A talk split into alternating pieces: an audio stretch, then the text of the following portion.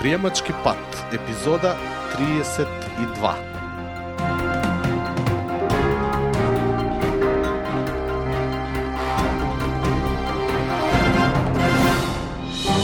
Здраво и голем поздрав до сите слушатели на Предприемачки пат, подкаст на предприемач.ком, чија цел е да ви помогне во креирање на ваш собствен и уникатен предприемачки пат.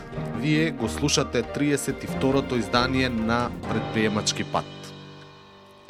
Во оваа епизода ќе зборувам за ниво на спремност за плаќање на купувачите. Всушност, оваа тема представува една техника која ја имам развиено за да ги рангирам повеќето бизнис идеи кои имаат кои ги имаат предприемачите со кои што работам кога сакаме да бидеме сигурни дека вредноста на избраната идеја, односно бизнис потенцијалната енергија на истата е најголема. Едноставно, значи на таков начин а, го користиме овој критериум како ниво на спремност за плаќање на купувачите помеѓу нормално останати десетина, 20, 30 во зависност од тоа каква бизнис идеја, за каква бизнис идеја станува збор, за да ги рангираме самите бизнис идеи. Сепак а, ова е еден а, од позначајните критериуми за кои што а, ќе влезат значи во формирање на вкупната таа оценка за вредноста на бизнис идејата. Па сега предлагам да започнеме со содржината на оваа епизода.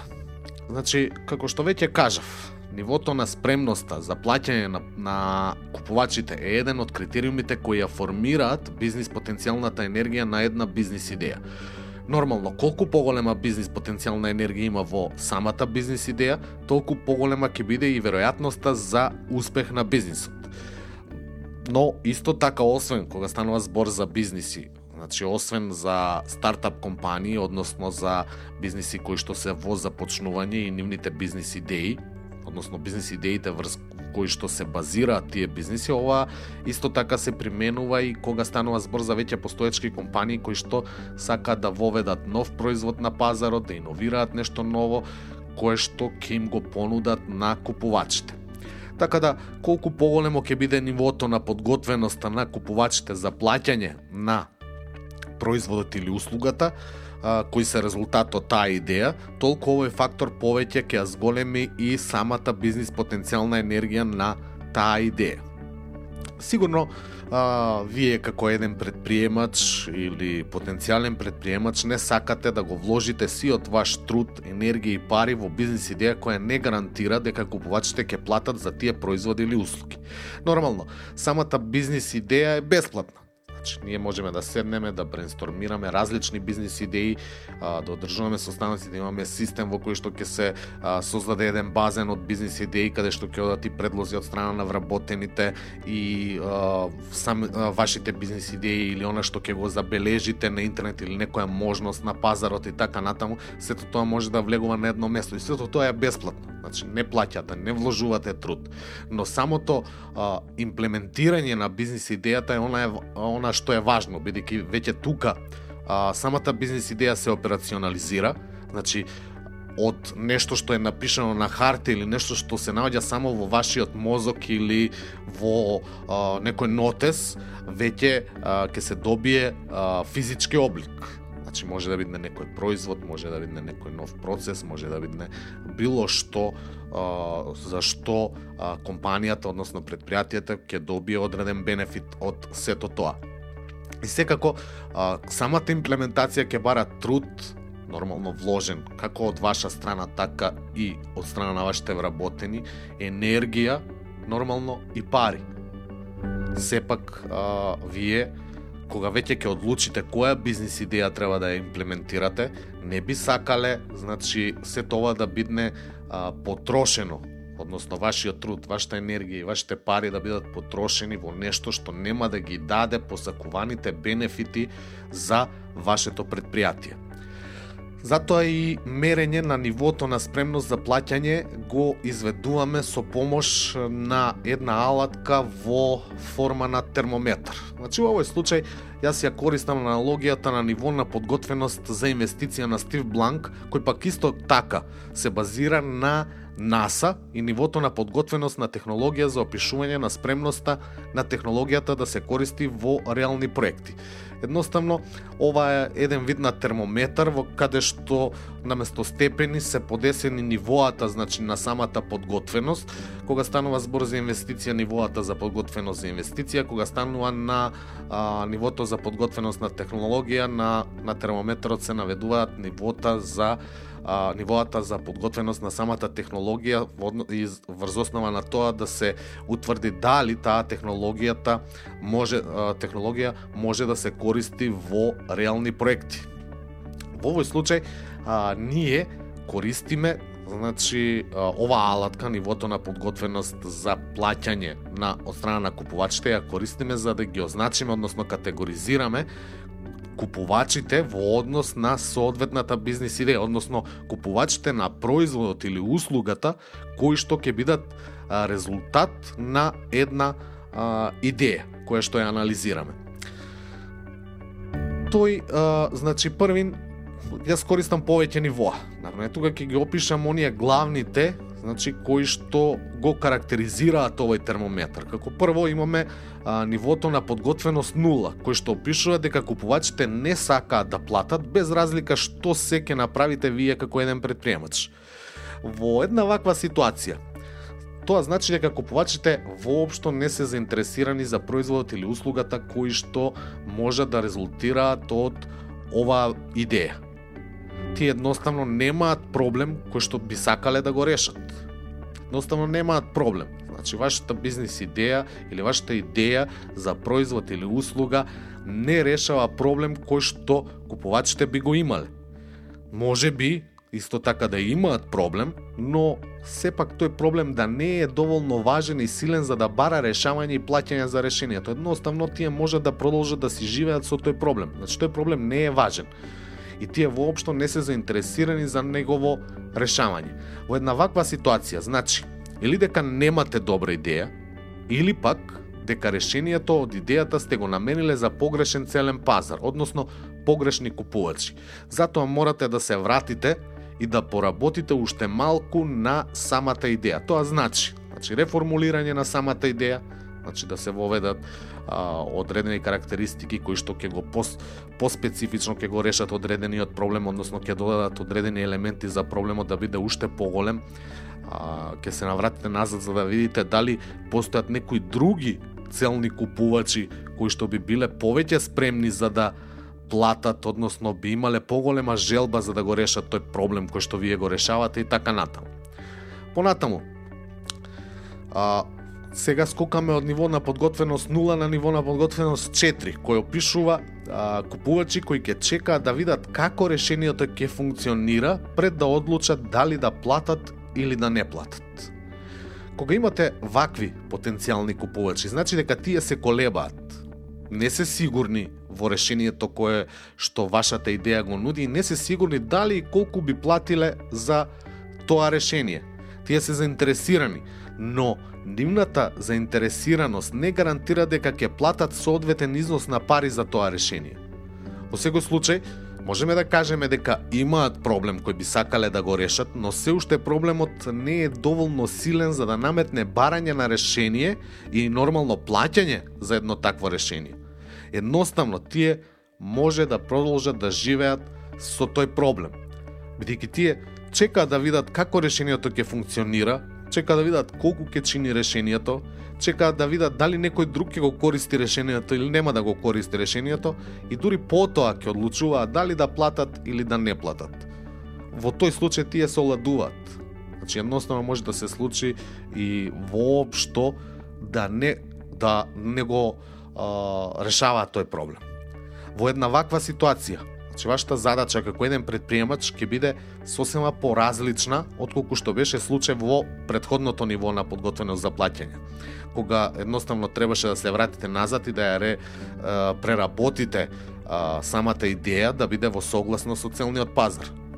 Тука, значи, кога станува збор за ова ниво на подготвеност за плаќање од страна на купувачите, ќе дојде до израз вашата способност да покажете и докажете дека проблемот кој го решавате е важен и дека ќе се исплати вложувањето на пари во вашето решение. Значи, едноставно морате да покажете, но и да докажете. дека проблемот кој го решавате е важен за нив. Може во многу случаи, значи имам забележано дека а, повеќето купувачи дури не се ни свесни дека имаат некаков проблем кој што бара решение, а тоа решение всушност е вашата бизнис идеја, односно производот или услугата кој што ќе произлезат од тоа решение. Затоа морате да покажете и докажете дека тој проблем е важен и дека нив ќе, нив ќе им се исплати вложување на пари во вашето решение. Следното ниво на подготвеност за плаќање е ниво 6. Тоа е кога купувачите би платиле но се уште не се сигурни колку би платиле. Повторно тука станува збор за определено ниво на колебливост кај купувачите, но овој пат само во однос на цената која би ја платиле за решението, бидејќи тие би платиле, значи го имаат проблемот, сакаат решенија за тој проблем, но не се сигурни колку би платиле. Тие а, едноставно тој проблем кој што го имаат се уште не го чувствуваат доволно силен за да имаат голема желба за решавање со што би платиле онолку колку вие би сакале да платат. Че во овој случај вашата задача кога подготвеноста ќе биде на оваа ниво е да ја покажете и докажете вредноста на вашиот производ или услуга, односно на решението на проблемот кој вашата бизнис идеја го решава. Едноставно што тие ќе добиват добијат со тоа решение? Дали ќе им го скратите времето? Дали ќе им заштедите некоја сума на пари? Дали ќе им го лесните животот? Дали а, нешто ќе прават а, многу побрзо и со многу пониска цена отколку што досега го правеле?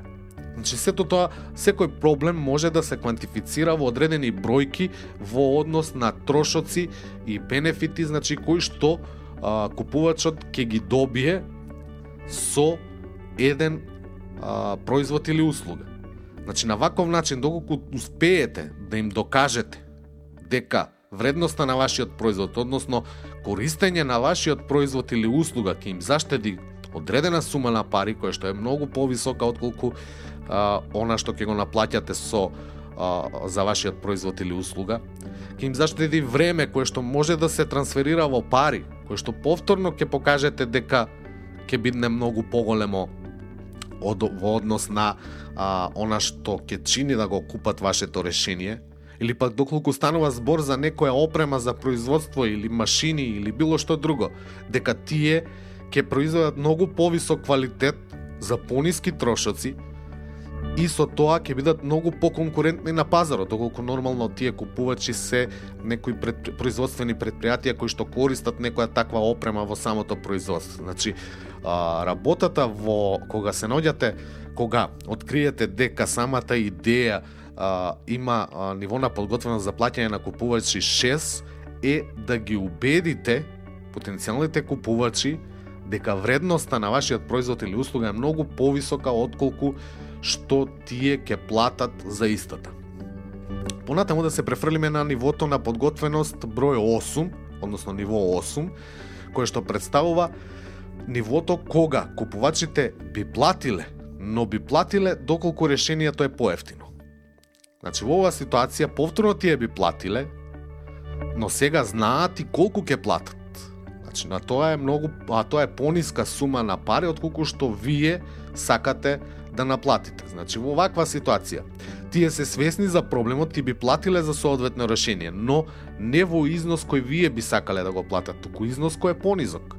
И ова е навистина проблематична ситуација.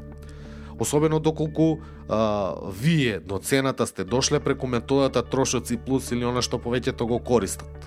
Таа метода ве наведува на покривање на сите трошоци и нормално соодветен износ на добивка и во една таква ситуација кога се наоѓате во оваа ниво, или ќе ја загубите добивката, или нормално ќе ја намалите, или пак во најлош случај нема да ги покриете ниту трошоците. Значи, во овој случај купувачите ќе ја диктираат а, цената, односно износот кој што тие ќе го платат.